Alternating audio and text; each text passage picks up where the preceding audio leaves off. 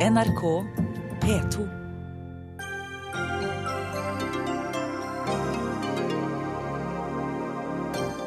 Redningsarbeidet pågår fortsatt i Nepal, der over 4000 mennesker er bekreftet omkommet.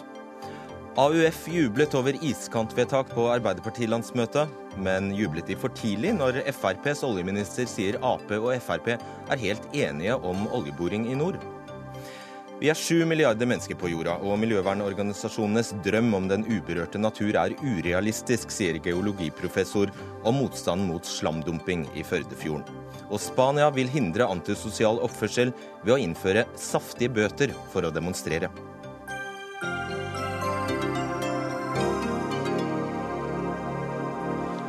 Og før denne Dagsnytt 18-sendingen med Fredrik Solvang som programleder er over, skal vi også ha diskutert om det er mediene eller nettrollene selv som er ansvarlige for det de skriver i kommentarfeltene. Og vi skal høre noe så sjelden som ros fra dyrevernere til landbruksministeren. Over 4000 mennesker er nå bekreftet omkommet etter jordskjelvet som rammet Nepal lørdag formiddag. Jordskjelvet hadde en styrke på 7,9 på Richters skala, og er det kraftigste skjelvet i landet på over 80 år. I løpet av helgen kom det også flere kraftige etterskjelv, og flere land, blant dem India, USA og Norge, bidrar i redningsarbeidet. Og Børge Brende, utenriksminister, hvordan bidrar Norge nå? Norge bidrar eh, med eh, penger gjennom eh, nødhjelp. Så har jo flere norske organisasjoner gått foran med sine bidrag, bl.a. finansiert av denne nødhjelpa. Røde Kors sender et norsk feltsykehus med kapasitet til 60 med kirurgi. Kirkens Nødhjelp er ute og har et team på plass som skal se på dette med vann og sanitær. Vi vet det er helt avgjørende at man eh, får tilgang på rent drikkevann, samtidig som man har dette med helsetjenester eh, som Røde Kors går inn, og ser på klemskader. Nummer tre er jo at et team er på vei ned, som er knytta til søk og redning dette med redningshunder som kan spore opp eh, folk som ligger i ruinene, oppfølging av disse. Og Så er det jo viktig at dette koordineres godt med FN. Eh, vi skal støtte òg andre organisasjoner som har kompetanse eh, på Nepal. Men mye av ressursene vil jo nå gå til de som allerede er der. Og så er rundt 200 nordmenn bekreftet i, eller de var i Nepal da jordskjelvet inntraff. Og det er litt under ti nordmenn som ennå ikke Eh, som dere ennå ikke har kommet i kontakt med. Vet noe mer om dem? Disse tallene endrer jo seg fra time til time. Nå er faktisk uh, tallene når det gjelder det vi tror var antallet nordmenn i Nepal uh, på tidspunktet ved jordskjelvet, rundt 300.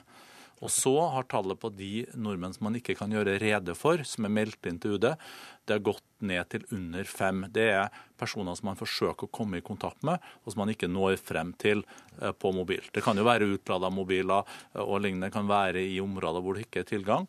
Eh, men vi er selvsagt bekymra for dette og prøver å følge opp så godt vi kan med familiene og med disse som kanskje er eller er i Nepal. Og så har du tidligere i dag bedt nordmenn som er i Nepal om å bli værende. Det var nok en uh, lite feilsitat uh, etter et intervju uh, med P4. Men det jeg har sagt, er at hvis du sitter med en spesiell kompetanse og er i Nepal, så kan du jo melde deg og bidra. Det var vel mer poenget. Men nå har det jo kommet og, og det var jo basert på at jeg så i mediene at det var noen som mente at UD nå måtte gjøre mer for å få ut nordmenn som var der, og som var uskada. Og når jeg vet at det sitter eh, og står tre fly på flyplassen i Delhi og venter på å få landingstillatelse med humanitær hjelp inn i Katmandu, og man mener at UD nå skal ha sendt ned et eget fly for eventuelt å ta ut nordmenn som er uskada, eventuelt brukt opp den slåtten på flyplassene, så eh, følte jeg en viss frustrasjon knytta til dette. Men det er klart UD skal stå på, vi skal hjelpe nordmenn. Men først og fremst må vi nå hjelpe de i Nepal som kanskje ligger under eh, steinblokka. Så det var nok den gamle Røde Kors-generalsekretæren som kom frem i meg. det er bra. Petter Jensen, det er Nepal vi skal snakke om. Du er professor ved Norges miljø- og biovitenskapelige universitet, og du har eh, også satt i gang en master på et nepalsk eh, universitet, og kjenner Nepal godt. Hvordan er Nepal rustet til å takle denne katastrofen? Nepal er jo et av verdens fattigste land.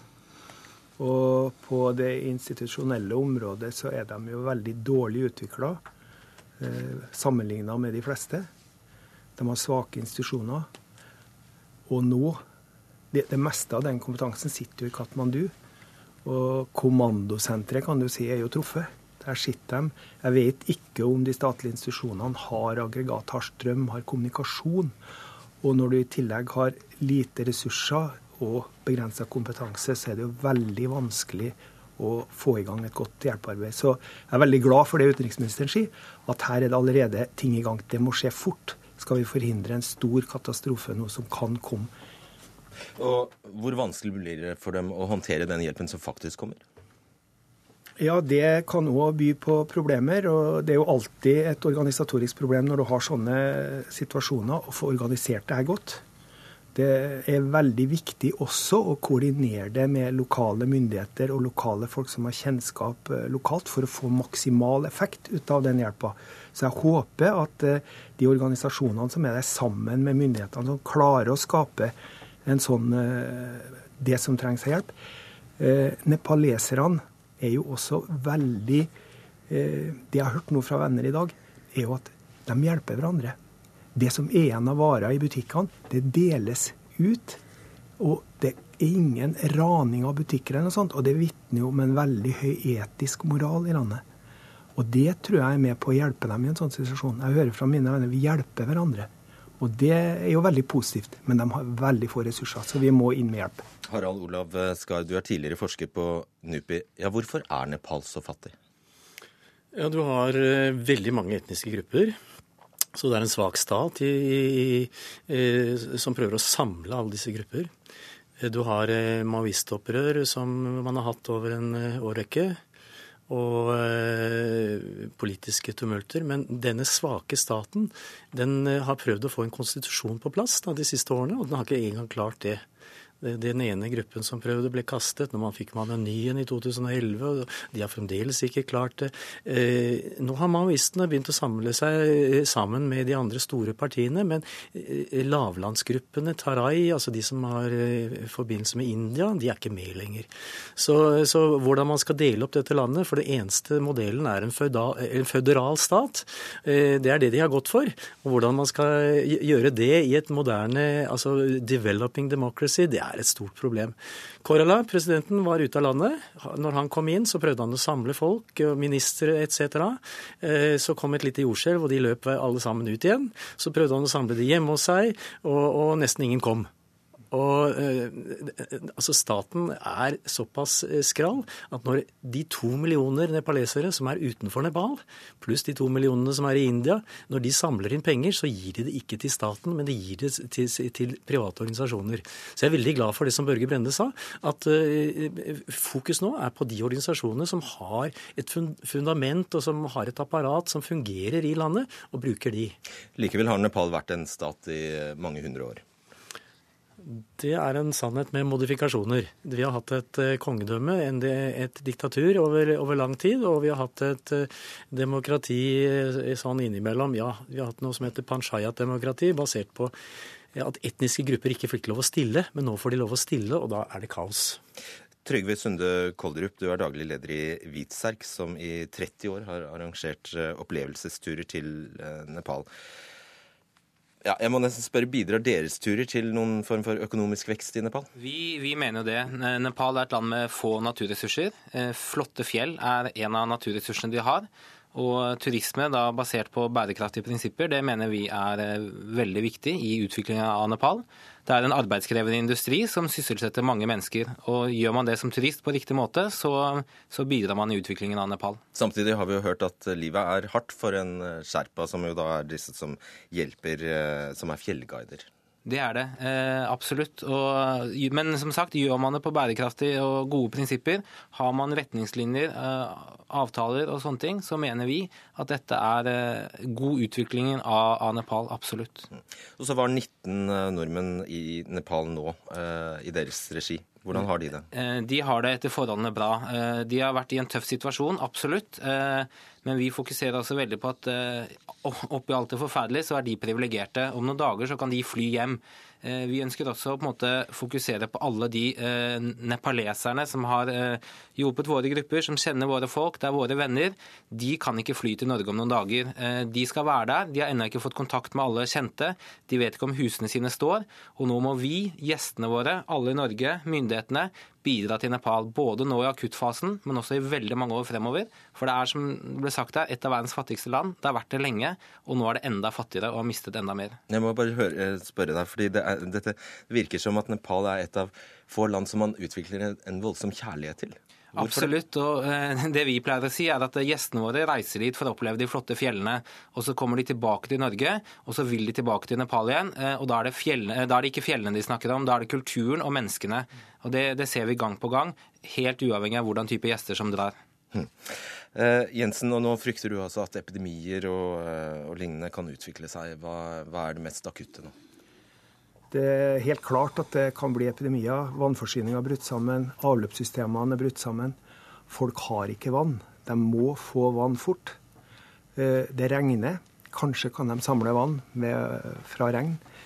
Eh, vi har vannfilter som må inn der fort. Det finnes jo i hjelpeoppsetninga fra Norge bl.a. Eh, folk må få vann. Det er helt primært. Dernest må de også få Eh, løst eh, avløpsproblemet. For eh, med de nedbørsmengdene som kan komme, så vil jo det her føre til at alt flyter rundt i gata. Og da er det en stor fare for at det kan bryte ut epidemier der. Skal være, dette er et landbruksland, de har ikke noen særlig industri å snakke om? Ja, nei, Det er stort sett et, et landbruksland. Eh, gjennom eh, utvikling av kraft og energi så har man prøvd å få i gang en industri, men det, det har gått veldig veldig sakte. Og eh, Det er jo viktig å, også si nå at nå, nå, fin, nå finnes det jo landsbyer, sånn som der min eh, kones familie kommer fra, som er borte. Altså, Det, det fins ingenting. Folk eh, var til, det, det, Skjelvet var jo ved tolvtiden. Og, og når de kom tilbake fra jordbruket sitt, så var de gamle og de, de, barna som da hadde blitt igjen i landsbyen, de var døde sammen med alle i samme hus. Så det er fokus, fokus på, på, eldre og på, på, på, barn kunne være fint. Samtidig fokus på å få, få noe telt eller noe, noe, noe tak over hodet. Det er jo, det er jo nød, nød som er eh, enorm akkurat nå. Det er jo én million barn Eh, som er direkte ramma av dette, eh, viser jo FNs eh, tall. Mm. disse må vi nå ut til, og de som ikke greier seg sjøl, eldre funksjonshemma. Men i den akutte nødhjelpsfasen som vil pågå i de nærmeste dagene, så er jo det aller viktigste å redde liv. Så det kan være folk inne i ruinene fortsatt. De må man hjelpe ut, og de må få helsehjelp. Og de må, hvis de er klemskader, hvis det ikke hjelpes innen noen timer, så kan man dø av de følgeskadene. Det har man sett ved tidligere jordskjelv. Så er det en god del som er skada. Der opererer man i dag med mye lavere tall eh, enn i går, men det er jo de som virkelig trenger akutt hjelp. Det er iallfall 5000-6000.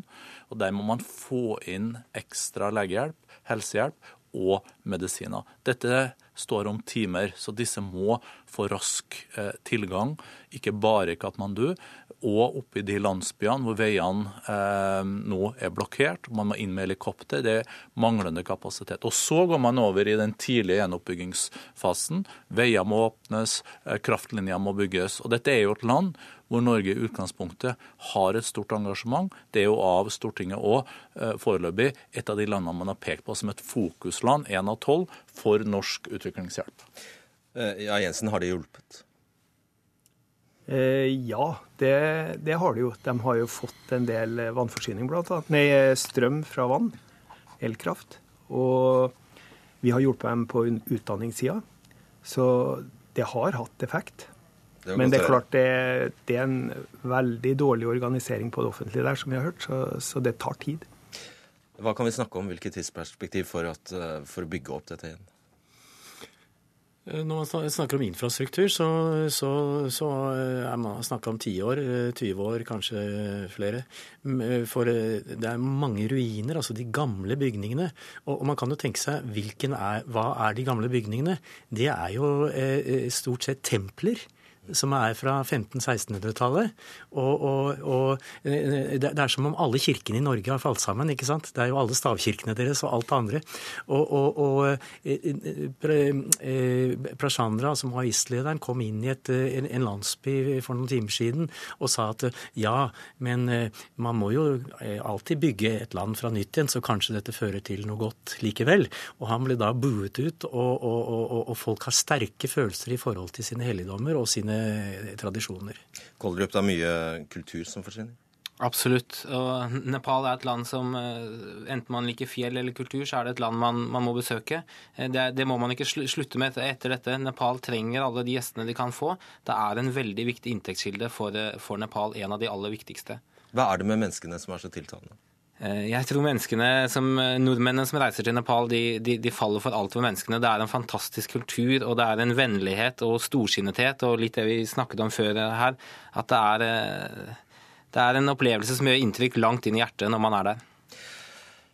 Vi sier takk til dere i denne omgang, Børge Brende, Petter Jensen, Harald Olav Skar og Trygve Sunde Kollerup. Hør Dagsnytt 18 når du vil. Radio NRK NO.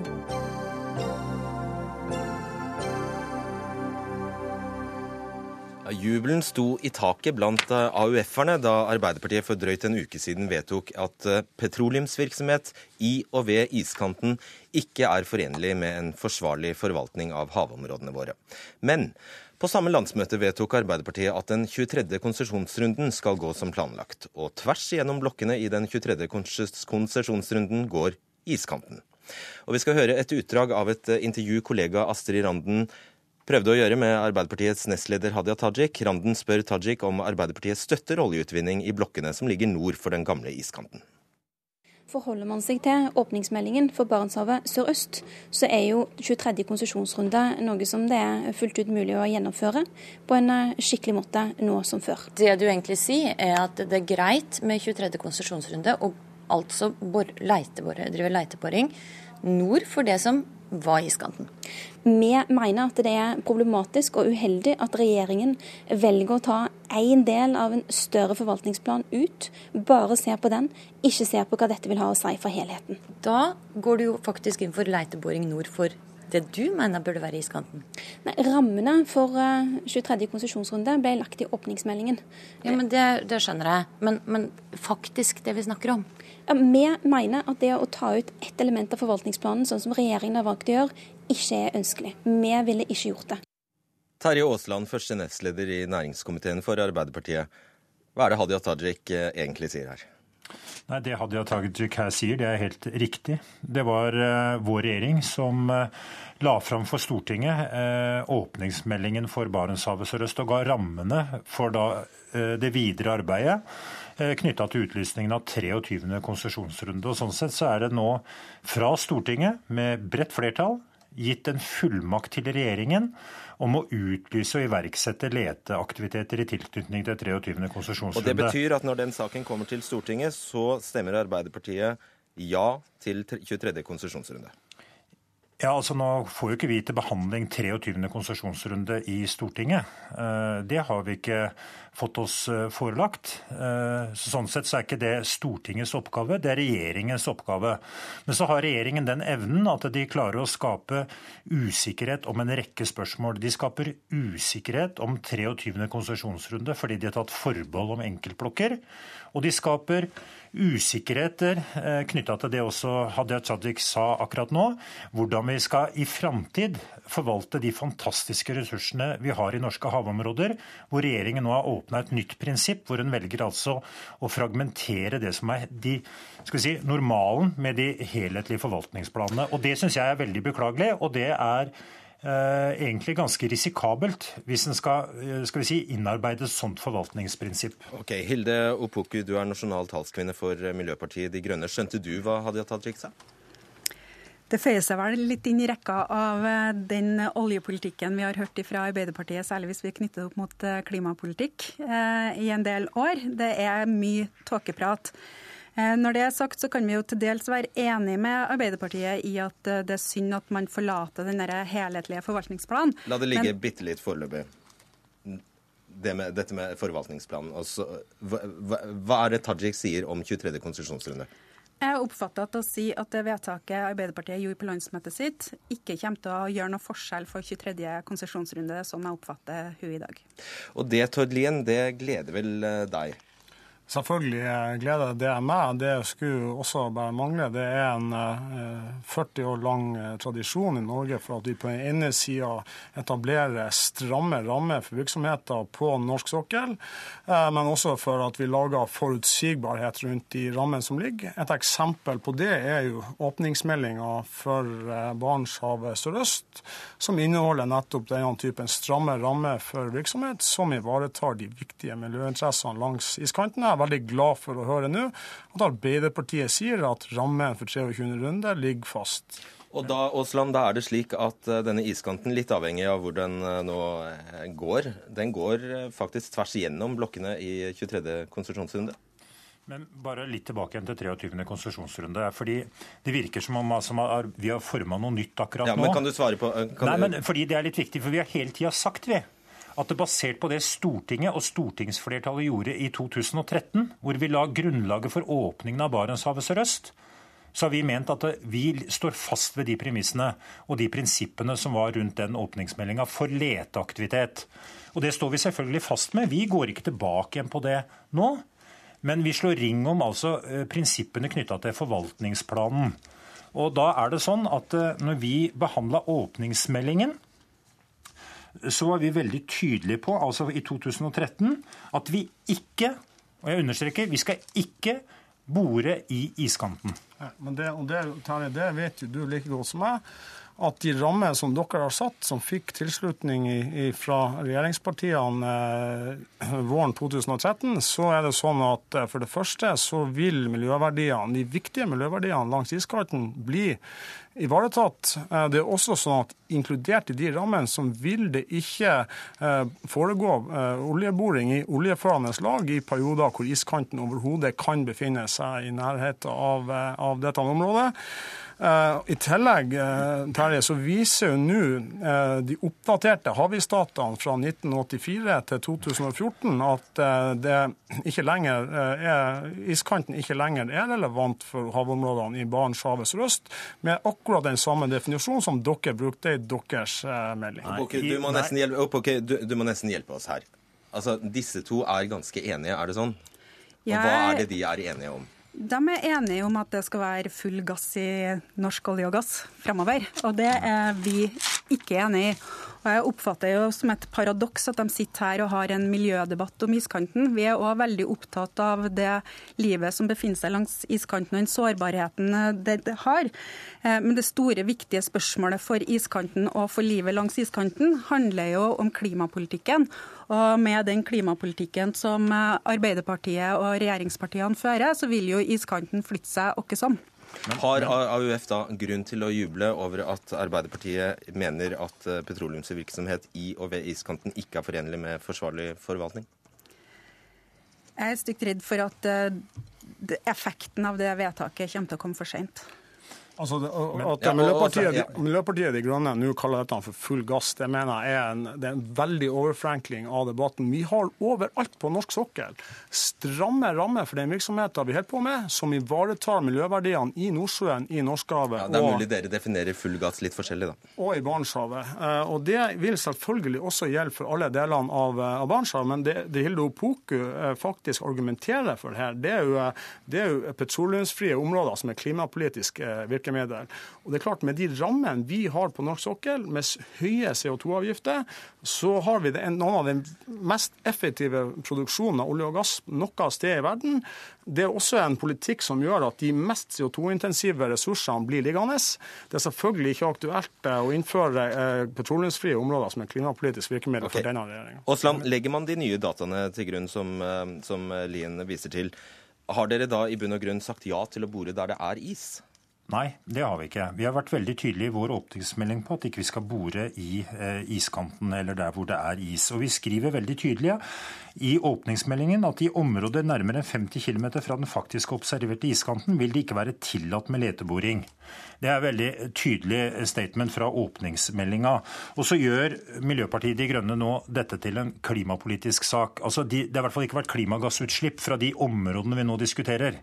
Men jeg er helt enig med Miljøpartiet De Grønne i at dette området er svært viktig økologisk og i en ressursmessig sammenheng. Det må forvaltes med stor respekt og i et bærekraftig perspektiv. Derfor er det viktig at vi ser forvaltningen av havområdene i en større helhet. Og Derfor er vi veldig skeptiske til det nå regjeringen velger å gjøre. Eh, og det er nettopp å fragmentere eh, det som har vært kanskje juvelen i miljøforvaltningen knytta opp mot eh, norske havområder. Nettopp at den på basis av kunnskap og faglige eh, fundament har foretatt en politisk konklusjon på hvordan en skal ha eh, eh bærekraftig forvaltning ja, var, av havområdene våre. Og Det var det du prøvde å si Opoku, i stedet da jeg avbrøt deg, at det, det er dere enig i? Ja da, det er vi enig i, men jeg må få lov til å svare på det ministeren også sier her. For han drar opp det med usikkerhet versus forutsigbarhet. Eh, for norske næringer når han snakker om, eh, om 23. konsesjonsrunde. Og Usikkerheten fremover ligger jo nettopp i at vi fortsetter med en næring som alle sammen vet at må avvikles. Så det at man ikke vil starte det skiftet nå, men faktisk går inn for å åpne nye konsesjoner i nord, er jo det som skaper usikkerhet i norsk industri og næring fremover. La meg minne om da, med samme til første Terje, at eh, regjeringa har også lovt at vi skal legge frem, legge til rette for en større revisjon av forvaltningsplanen for Barentshavet i 2020. 2020, som intensjonen til Stortinget hele tida har vært. Og så til Hilde Opoku. Det jobber eh, over 250 000 mennesker i denne næringa. Det er Norges suverent største og viktigste næring.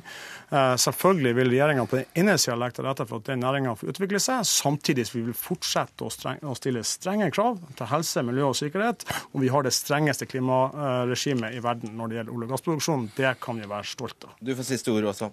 Ja, Det nå Lien sier, og som han ikke er Eh, inn, eller som blir liksom bagatellisert i det hele, det er jo at han har en fullmakt fra Stortinget. Stortinget. Så det er hans ansvar å utlyse de blokkene ut ifra det han mener er forsvarlig innenfor det som er åpningsmeldinga. Og så er det et resultat av det vi nå diskuterer og det vi nå har fått til Stortinget. Det er et uttrykk for at regjeringen og støttepartiene ikke har blitt klart å bli enige om spørsmålet iskanten. og Derfor har vi saken til behandling i Stortinget. Og dessverre så kan det ende opp med at den fragmenterer noe av det som har vært kvaliteten i forvaltningen av havområdene våre.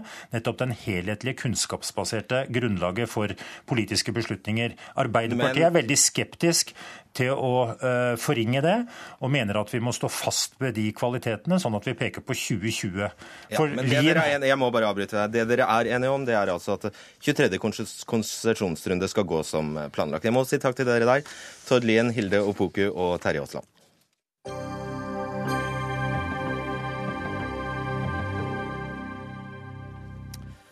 En stor dag for alle som er opptatt av dyrs rettigheter og det å bekjempe kriminalitet mot dyr. Det sa landbruksminister, landbruks- og matminister Sylvi Listhaug fra Frp på en pressekonferanse i dag. Og Der ble det kjent at Norge får sitt første dyrepoliti. En gruppe på tre personer skal opprettes i Sør-Trøndelag politidistrikt, som utelukkende skal jobbe mot dyrevelferdskriminalitet. Og Gruppen skal være i gang med arbeidet innen 1.9. Statsråd Sylvi Listhaug, hvorfor oppretter du landets første dyrepoliti? Det er fordi Fremskrittspartiet og regjeringa er veldig opptatt av dyrevelferd. Dette har vært en sak som Fremskrittspartiet jobba for i mange år, som også står i vårt partiprogram, og som mange medlemmer er opptatt av.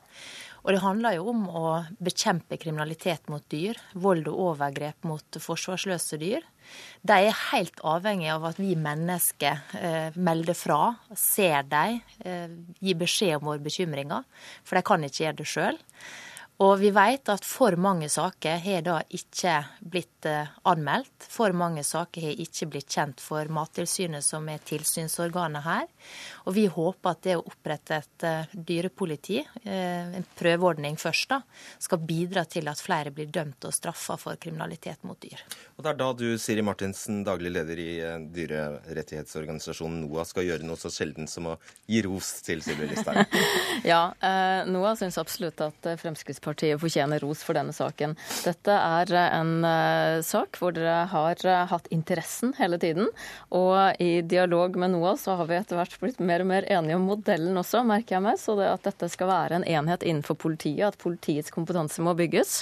Um, og nå går dere fra ord til handling med tre statsråder på pressekonferanse. Så det er rett og slett veldig bra.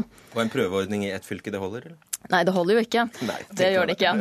Men det er en veldig god startpakke. Det er helt greit at man ønsker å prøve ut en modell, men det som også er viktig å påpeke, er at både Mattilsynet, politiet og dere som politikere har jo også sagt at eh, man skal ikke bare etterforske og prioritere eh, kriminalitet mot dyr i Sør-Trøndelag. Man skal faktisk eh, gjøre en innsats over hele landet. Det ville vært litt urettferdig for de andre dyra. Det ville vært veldig merkelig. Man må jo bygge seg kompetanse, og dyr lider over hele landet. Så, så, det er viktig å presisere. Og der NOAH gjerne vil ha litt mer, er jo også forpliktende finansiering også for det som skal gjøres i resten av landet. Så der ser vi frem mot eh, budsjettene. Ja. Du har vel penger? Ja, vi kommer tilbake til det når vi skal legge fram budsjettene. fordi at dette skal ikke gå på bekostning av andre oppgaver, det prøveprosjektet her. Hva skal det koste? Nei, Det skal vi komme tilbake til når vi legger fram budsjettet. Men det som er viktig å si, er at dette skal ikke bare føre til at vi bekjemper kriminalitet mot dyr i Sør-Trøndelag.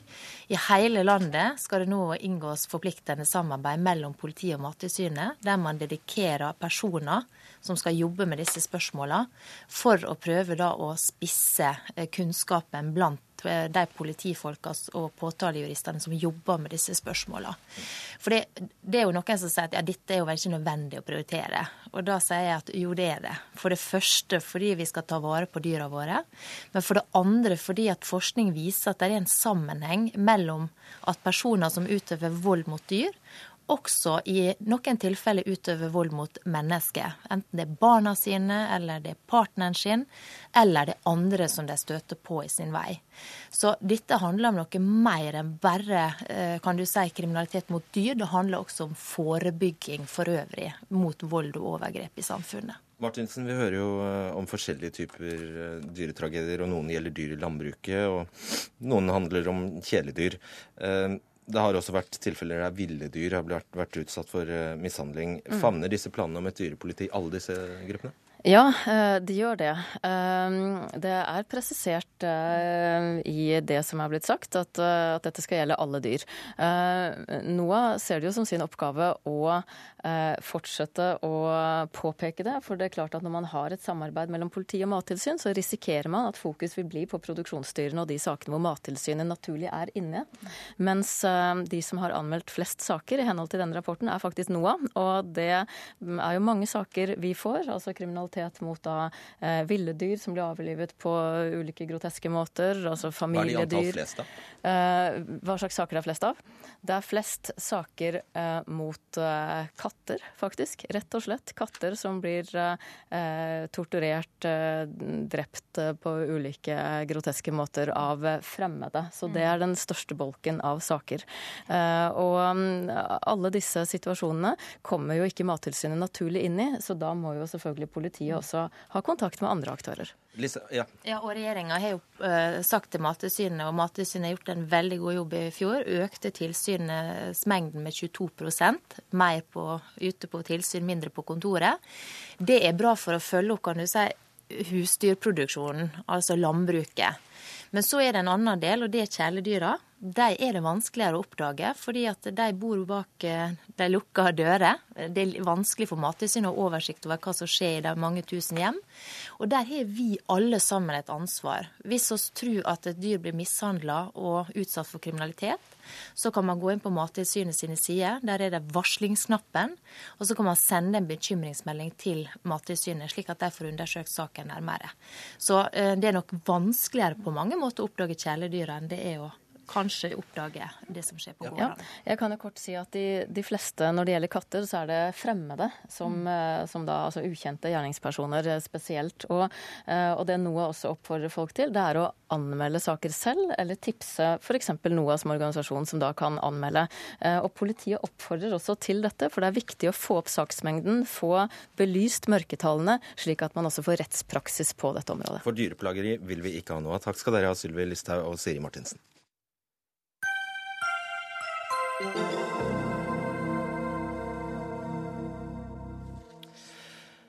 dem drukne, skrev folk i kommentarfeltet på VGs saker om flyktningkatastrofen i Middelhavet i forrige uke. Og så ringte VGTV dem opp og konfronterte dem med uttalelsene sine. Men eh, er det greit å konfrontere hvermannsen som eh, kanskje sitter med et glass på kveldinga foran PC-en og lirer av seg det han eller hun har på hjertet, i kommentarfeltene i avisene, og så henge dem ut offentlig? Det, det syns ikke du, førstelektor ved Markedshøgskolen Carl Fredrik Tangen. Hvorfor ikke det? Jeg syns ikke det var greit at VG først tilrettelegger veldig for at du kan skrive det i kommentarfeltene, og så etterpå tar liksom vekk fra det organet som, eller hva skal kalle det, det mediet som liksom kommentarfeltene er, og så over i, på nett-TV i stedet. Samtidig som det blir mye styr eh, rundt det. Så det blir veldig skeivt. Så jeg er lokket inn i en felle? Jeg kaller det en slags uskreven kontrakt. Det er skummelt når jeg har en jurist uh, her. Ja. Men, jeg, ja, men, men jeg, har, jeg, har, gått inn og sett litt på hvordan folk bruker disse kommentarspaltene. Uh, så jeg, for, jeg gikk inn i helt annet. Altså, så jeg Bruce Jenner, som er sånn TV-kjendis, som har skifta kjønn. Så det er en som sier at kjønnsskifte er problematisk, bla, bla, bla, som går inn i diskusjonen. Og så er det en annen som skriver 'kua fra Dala'. Flott. Og så og sånn er det stadig på disse kommentarene. Folk bare tuller i, i, vei. Og sånn har de gjort i årevis, og det er ikke blitt konfrontert noe særlig, særlig med det. Sånn at det, det blir litt vilkårlig at det er noen som plutselig altså, Jeg syns de sier hårreisende ting. Jeg syns at den type meninger skal uh, også kunne angripes. Du forsvarer ikke akkurat meningene? nei, nei, nei, jeg forsvarer ikke meningene. Og jeg, jeg er også sterk tilhenger av at alle må stå til ansvar for det de sier. Men det er noe maktskeivhet i det her, og det er den rollen som VG har, hvor de er tilrettelegger og bøddel på en, eh, gang, som jeg syns er litt vanskelig. Og så syns jeg i tillegg at de samtalene har noe i seg, og folk faktisk har sagt at Nei, men det er ikke akkurat sånn jeg mente det. og De får, de får dratt litt på det. Så jeg syns at VG burde vært redaksjonell. da. Når jeg blir intervjua, så spør de meg, og så får jeg sitatsjekk, og så prøver de å få, få fram hva jeg mener. Det gjorde ikke VG med disse. Mm. Advokat Jon Wessel Aas, du har altså kommet til den motsatte konklusjonen. Hvorfor det? Eh, dere vil jo gjerne at vi er helt motsatte. Jeg tror ikke vi er så langt fra hverandre. Men det, nei, det, jeg har reagert på, og det er ikke spesielt eh, Tangens utspill, det er flere. Det er mer utgangspunktet. Jeg kan nok være enig, for å si det sånn, at folk i kommentarfeltene til norske aviser osv., altså på nett, nok har vært vant til å få være litt i fred. At det er der de får lov å leke, da, for å si det sånn. Sånn at det kanskje er noe nytt for dem. Eh, at de kan bli konfrontert med det også utenfor kommentarfeltet. Den er, den er, den er jeg med på, men, men, jeg mener at det er riktig. Og jeg mener at det, det jeg er opptatt av, er liksom utgangspunktet. Vi må ikke behandle dette som eh, stakkars umyndige mennesker. Dette er mennesker som har valgt voksne, og jeg forutsetter da voksne, myndige mennesker som ellers er friske, som velger å ikke bare tenke ting eller slenge med leppa over lunsjbordet, men faktisk publisere meningene sine på noen av de mest offentlige debattforaene vi har i landet. Og Det er jo greit, men det er jo ikke sikkert at de uh, forsto at de kom til å havne på VGTV eller på forsida av VG for den saks skyld. Nei, det er ikke sikkert. Og jeg har også sagt at hvordan VG eller andre konfronterer dem som kilder med det, det må jo foregå i hvert tilfelle på en måte som er innenfor presseetikken osv. Det, det forutsetter jeg. Men det er på en måte det prinsipielle. Det kom en del reaksjoner på at det, det, nærmest var et overgrep at de skulle stå til rette for det de skriver der i en annen offentlighet eller i andre fora. Og det mener jeg både er feil, det er en umyndiggjøring av norske borgere som deltar i samfunnsdebatten, eh, som om de ikke var ansvarlige nok til å kunne stå for meningene sine. Og så syns jeg det er viktig i en større debatt vi har i samfunnet om hva slags meninger skal være lov, eller hva burde redigeres bort, snakker jo mange om. Hva skal straffes? Da er det greit å minne om at det viktigste på en måte virkemidlet og verktøyet vi har i demokratiet, det er jo at ytringer møtes med motytringer.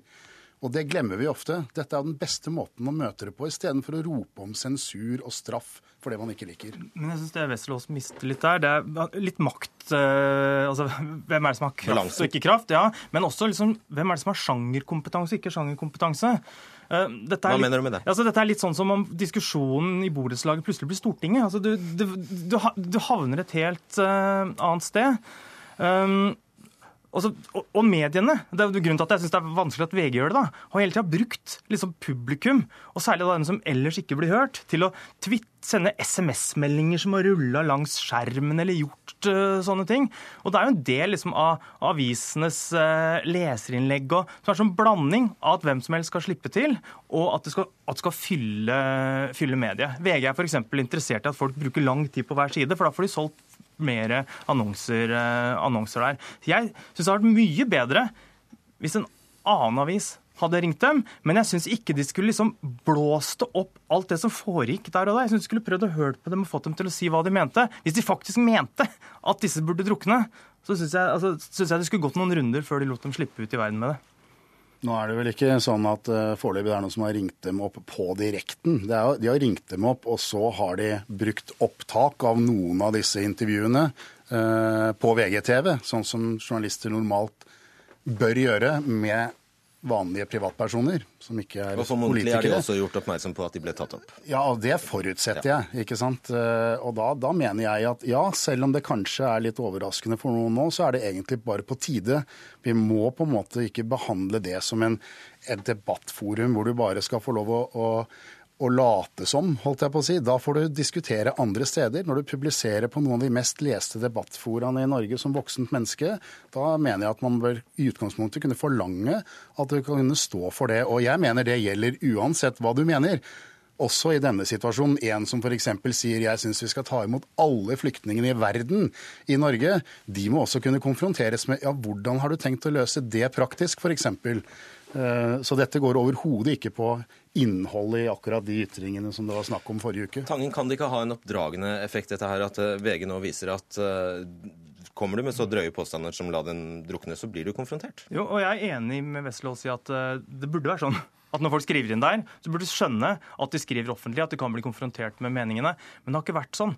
Og da har de altså, tre personer eller sånn, altså, som, som ble brukt, de har virkelig de har vært litt sånn offer og, så jeg syns VG skulle gjort det de har gjort. Altså sagt at det er liksom et ansvar som du har. De skriver det litt der også, men det hjelper ikke når de ikke praktis har, praktisert det før. Jeg syns ikke du skulle brukt de personene som liksom dem de la all tyngden på. Jeg synes, også fordi jeg syns VG burde retta mye mer blikket mot uh, seg sjøl og spurt hva vi har gjort som gjør at sånne ting kommer i, redigert, i vårt redigerte medium. Ja, altså, så, så, lenge man er enig om det prinsipielle her, at hovedregelen må være at voksne mennesker må finne seg å bli konfrontert med sine offentlige ytringer som de har publisert bevisst offentlig, eh, så er en annen sak hvordan det utføres i det konkrete tilfellet. Og jeg skal ikke mene så, så mye om, uh, om det. Uh, VG er også klienter av meg fra tid til annen, så det kan folk gjerne vite. Men, men den diskusjonen i prinsippet er også helt betimelig å ta, hvordan det gjøres. Men, men det, det, er i hvert fall så reagerer jeg på dem som mener at der bør folk få lov å være i fred for en eller annen grunn fordi de ikke er myndige nok da, til å stå for det andre steder. Men det er jo sånn nå, hvis du, skal, altså hvis du får et sitat i avisa, så, um, liksom, så, så, forholder journalisten seg til deg og prøver å få ut hva du mener. Hvis du kommer på kommentar, i kommentarfeltet, så bare skriver du det. Og jeg syns det er der litt at det er et eller annet sånn journalistisk uh, fall. Jeg syns det er annerledes hvis folk skriver hva som helst på Facebook, for det er som en annen sjanger. Ja, men Forskjellen er når det blir ringt opp og blir spurt om uten at du har gått ut med noe før, så er det selvfølgelig en annen situasjon. Her har jo de valgt å gå ut med en påstand eller en mening i utgangspunktet. Og da setter jeg punktum for den meningsutvekslingen. Carl Fredrik Tangen og Jon Wesselås, takk skal dere ha. Dagsnytt 18 alle hverdager kl 18.00 på NRK P2 og NRK2.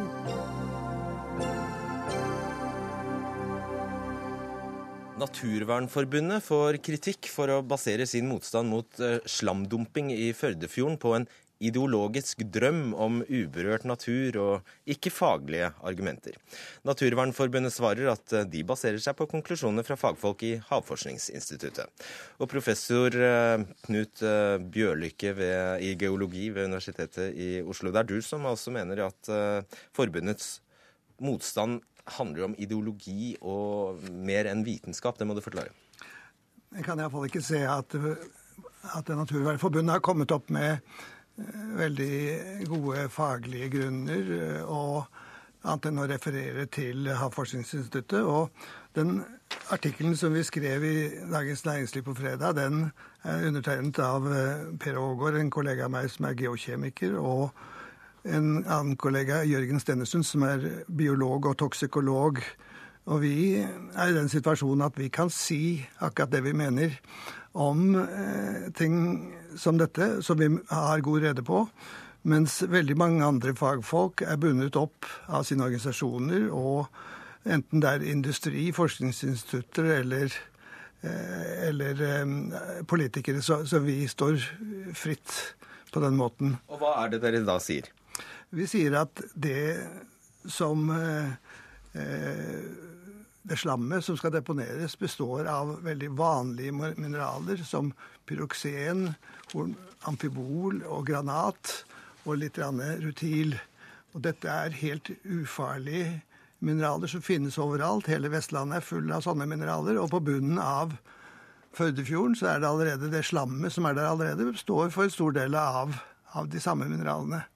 I tillegg så er det litt grann kjemikalier som er tilsatt, og det har vi også diskutert. Og dette er omhandlet i stor detalj i en rapport fra Cliff eh, altså, i 2010, eh, hvor man nettopp ser på både selve mineralene selv og tilsetningsstoffene, og konkluderer med at ingen av disse er veldig giftige. Generalsekretær i Naturvernforbundet Maren Esmark, ja, dere drives av ideologi og drømmen om eh, uberørt natur? Det er mange mennesker med et stort engasjement som er medlem av Naturvernforbundet. Men vi jobber alltid faktabasert. Og når det gjelder det som skal skje, eller vi håper jo aldri det kommer til å skje, når det gjelder det regjeringen akkurat nå har sagt ja til i Førdefjorden, så er det et gigantisk forurensningsprosjekt. Her er det snakk om 300 millioner tonn med steinmasse som skal dumpes ut i fjorden. Som er den typen stein som allerede ligger her, sier hører vi. Ja, det sier han, men den er nå i hvert fall delt opp, så den er veldig fine partikler. Og så er det viktig å huske på her at uh, her er det tre geologer som føler at noen tråkker på faget deres. De sier at stein er ikke farlig. La meg få snakke ut. Og så har vi ganske mange andre forskere og fagfolk, også med store og høye grader, både doktorgrader og annet, som sier at nei, dette er totalt uforsvarlig. Det er biologer, det er Havforskningsinstituttet, det er Fiskeridirektoratet, det er Miljødirektoratet. De sier alle sammen helt tydelig at dette er et prosjekt som kommer til å ha svært store miljøkonsekvenser. Og jeg er ikke sikker på om det å være geolog gjør at du står sterkere enn en havforsker. Den som er med på denne artikkelen, Jørgen Stenersen, er toksikolog. Og han har vesentlig mye bedre rede på miljøgifter og gift i hele tatt enn også folk på Havforskningsinstituttet og andre. Og det er ikke riktig, sånn som du sier, at, måten, at det er en enstemmig faglig oppfatning om at dette er farlig. Det er veldig nyanserte rapporter som kom fra Cliff, og de konkluderer jo med at, at dette er Ulempene er der, selvfølgelig. Vi kan ikke vi kan ikke ha syv milliarder mennesker på jorden uten å forurense. Men vi må sørge for at forurensningen blir minst mulig. Og til det kreves det fagkunnskap og teknologi. Og man kan ikke Og jeg har lyst til å spørre Naturvernforbundet Er de i hele tatt for noen gruver i Norge? Godt spørsmål. Ja. ja. Eh, og det vi tror er jo at eh, Ved å tillate det som skal skje i Førdefjord nå, så gjør man jo hele gruvenæringa en bjørnetjeneste. For Man starter med det verste prosjektet, med forferdelig dårlig og gammeldags teknologi. Og så skaper du dårlig rykte for bergindustrien i all fremtid. Det man burde gjort her, er jo å se på om prosjektet i det hele tatt er lønnsomt. For grunnen til at det er lønnsomt, er jo fordi de får lov å velge den aller billigste og gamledagse teknologien, nemlig med å dumpe alt avfallet i fjorden. Fremtidsretta og miljøvennlig gruvedrift drives ikke på den måten. Da tar du det avgangen, kalles det, dette er som mm. kommer ut, og, og putter det tilbake igjen i gruva, eller du, finner noe, annet å bruke det, yes, eller du finner noe annet å bruke det til. Når du, når du sier at dette er et av de verste prosjektene, så viser det nettopp at du ikke vet noe om sammensetningen av, det, av, dette materialet. Dette er noe av det reneste gruvematerialet du kan tenke deg. Eh, den bergarten som som skal knuses ned. Selvfølgelig er det ulempe med alt det slammet, og at det er negative konsekvenser. Det nekter jeg ikke, men sulfidminer Det ser ikke så pent ut. Hmm? Og det ser vel ikke så pent ut? Nei. Det arret i naturen der. Men, og sulfidgruver, eh, eh, f.eks., som vi har mye i Troms og Finnmark, de er jo mye mer problematiske på den måten. Og Vi har jo også trukket det frem Ars Titania som et eksempel, hvor vi fagfolk mente at dette, hvis man først ville ha en gruve der, så burde dette lages i Jøsingfjorden, eller i Dunderdypet etter hvert. Og da fikk Fredrik Hauge gjennomført dette, og Natur og Ungdom at dette skulle lages på land. Og det har nå en demning som er 90 meter høy. Og dette etter at han firte seg ned i tau foran miljøvernminister Henglet og hang der og dinglet. Ok, eh, Esmark, eh, dere har jo vidt forskjellig utgangspunkt her. Du viser, altså, du, du viser til at vi er sju milliarder mennesker på jorda og ikke kan unngå å påvirke miljøet, mens din leder Haltbrekken jo strengt tatt mener at utvinningen av dette stoffet rutil ikke nødvendigvis må, eh, bør skje i så stort monn, og, og i hvert fall ikke der, derfra. Så det er to veldig forskjellige utgangspunkt. Ja, jeg, tror ikke at det, jeg vil jo håpe at du er enig med oss i en del av de grunnleggende tingene. Nemlig at det handler om redusert forbruk. Altså hver og en av oss er nødt til å forbruke noe mindre. Og akkurat når det gjelder mineraler og metaller, så må vi ha mye mer gjenbruk. Og det er jo ikke sånn at rutil er et livsnødvendig stoff. Det er eh, greit å ha for industrien. Det går til tannpasta, det er hvitningsstoff. Det finnes alternativer. Um, men det å gjenbruke er mye viktigere enn nødvendigvis å ta ut nye ting. Har dere tenkt på det? Jo, at rutil brukes til utvinning av titan, som er et også lett metall, som er veldig verdifullt på den måten. Og man kan jo diskutere om man skal ha denne gruven, men vi mener jo bare at, at det er forsvarlig. Selv om det er store slammengder, så er dette slammet så nøytralt og så lite giftig og når man legger et slam på havbunnen, så er det klart at det, den faunaen som eksisterte på havbunnen før, den, den, forsvinner. Og så kommer det enten samme faunaen inn eller en annen fauna inn. Er, vi har ganske mange studier av områder som har hatt sjødeponi, og hvor faunaen er blitt re, eh, etablert etter forholdsvis kort tid. Da sier, vi, da sier jeg takk til dere der, Knut Bjørlykke og Maren Esmark.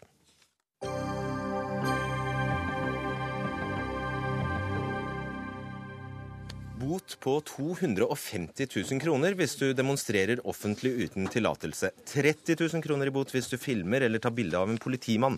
Ja, det blir virkeligheten for spanjoler fra 1.7. Den økonomiske krisen har rammet landet kraftig, og siden 2011 har det vært jevnlige store protestdemonstrasjoner over hele landet. Og nå strammer spanske myndigheter inn mulighetene til å protestere til FNs og til EUs bekymring. Eva Nordlund, du er kommentator eh, her i NRK. Dette høres jo nesten utrolig ut. Du har skrevet en ytring om dette. Hva er det som skjer? Ja, det kan høres utrolig ut for oss, og sånn sett så skulle vi jo gjerne hatt den spanske ambassaden her, så vi hadde fått høre eh, beveggrunnene her og nå. Men eh, kjernen i eh, denne loven er at det blir atskillig vanskeligere for spanjoler å demonstrere i gater og på torg.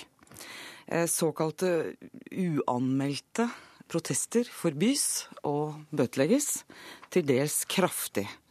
Det er også sånn at bøtene skal eh, kunne håndteres administrativt. Det betyr at du trenger ikke dom i en domstol for at det skal kunne effektueres. De kan bare skrives ut. I tillegg så er det sånn at politiet får utvida fullmakter. Eh, de kan eh, ransake og anholde folk på gata uten skjellig grunn til mistanke om, om kriminelle handlinger. Så er det også sånn at Eh, de får mulighet til å, politiet får mulighet til å føre personregistre, hvor de kan svarteliste enkeltdemonstranter, eh, grupper som demonstrerer, og organisasjoner. Jeg skal også nevne Når det gjelder den, de administrative bøtene, så er det sånn at du må betale penger for å klage på en bot. Det, du sier det blir altså anledning til å demonstrere, men du må altså søke på forhånd? Er det ikke bare å søke? Da? Ja, og det er jo et spørsmål som enhver nordmann vil stille. Og som jeg også har stilt lokalpolitikere i Spania eh, og aktivister. Og da sier de det er spørsmål som en eh, nordmann stiller. Eh, og det, Hvorfor sier de det? Jo, det er jo fordi at de viser til korrupsjonen. De har ikke tillit til at søknadene får en real behandling. Og de sier vi vet ikke om de blir behandla, når de blir behandla, og hva resultatet blir. De frykter altså vilkårlighet og har ikke tillit til, til systemet. Og Hvis man da forutsetter at den spanske regjeringen ikke er komplette idioter, hva er begrunnelsen for dette her? Nei, altså Begrunnelsen da nå For å få det riktig skal jeg finne eh, skal jeg finne sitater her.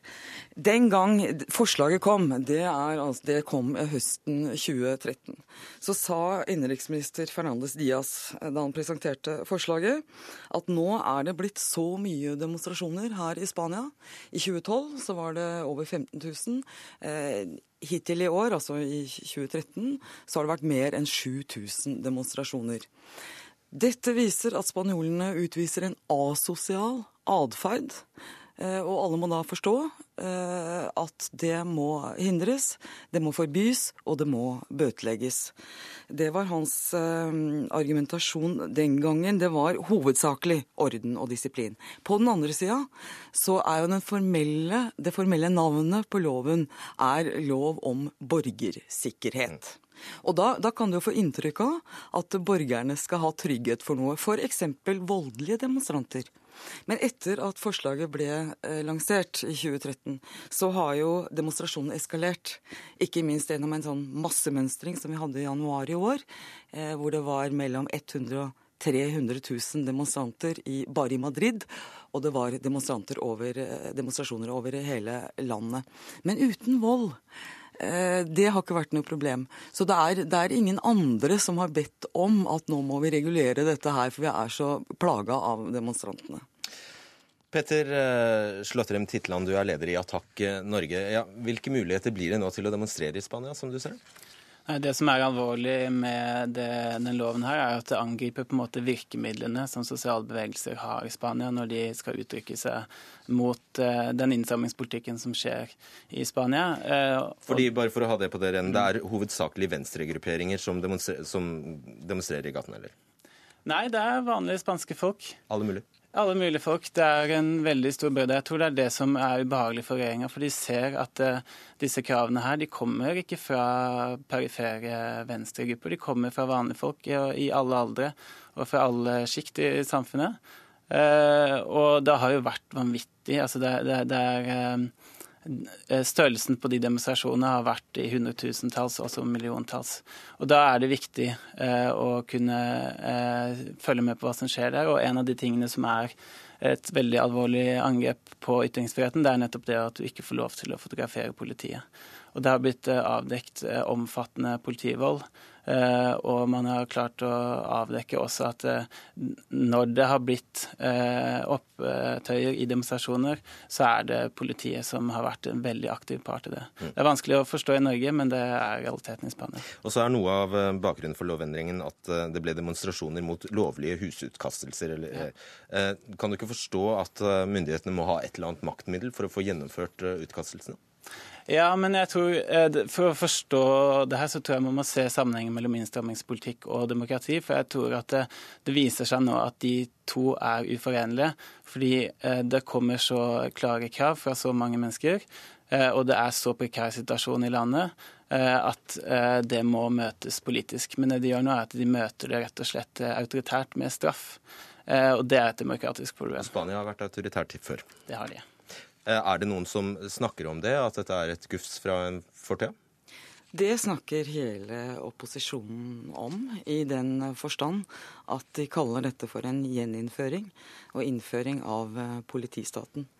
Og det er jo Pedro Sánchez, altså lederen for Sosialdemokratene, PSOE, som leder han eh, i parlamentet med å kalle det en politistat. Han sier også at statsminister Rajoy og Partido Popular Eh, noen kaller det sentrum-høyre-parti, altså regjeringspartiet. Andre vil kalle det et høyreparti.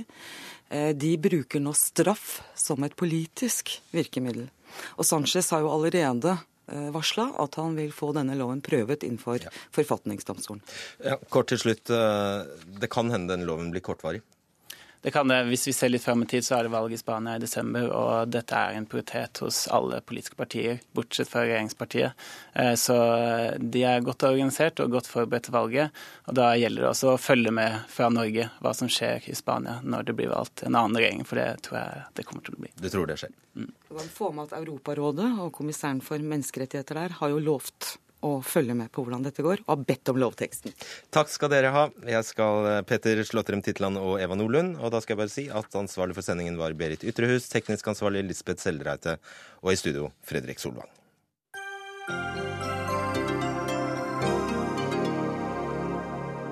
Hør flere podkaster på nrk.no podkast.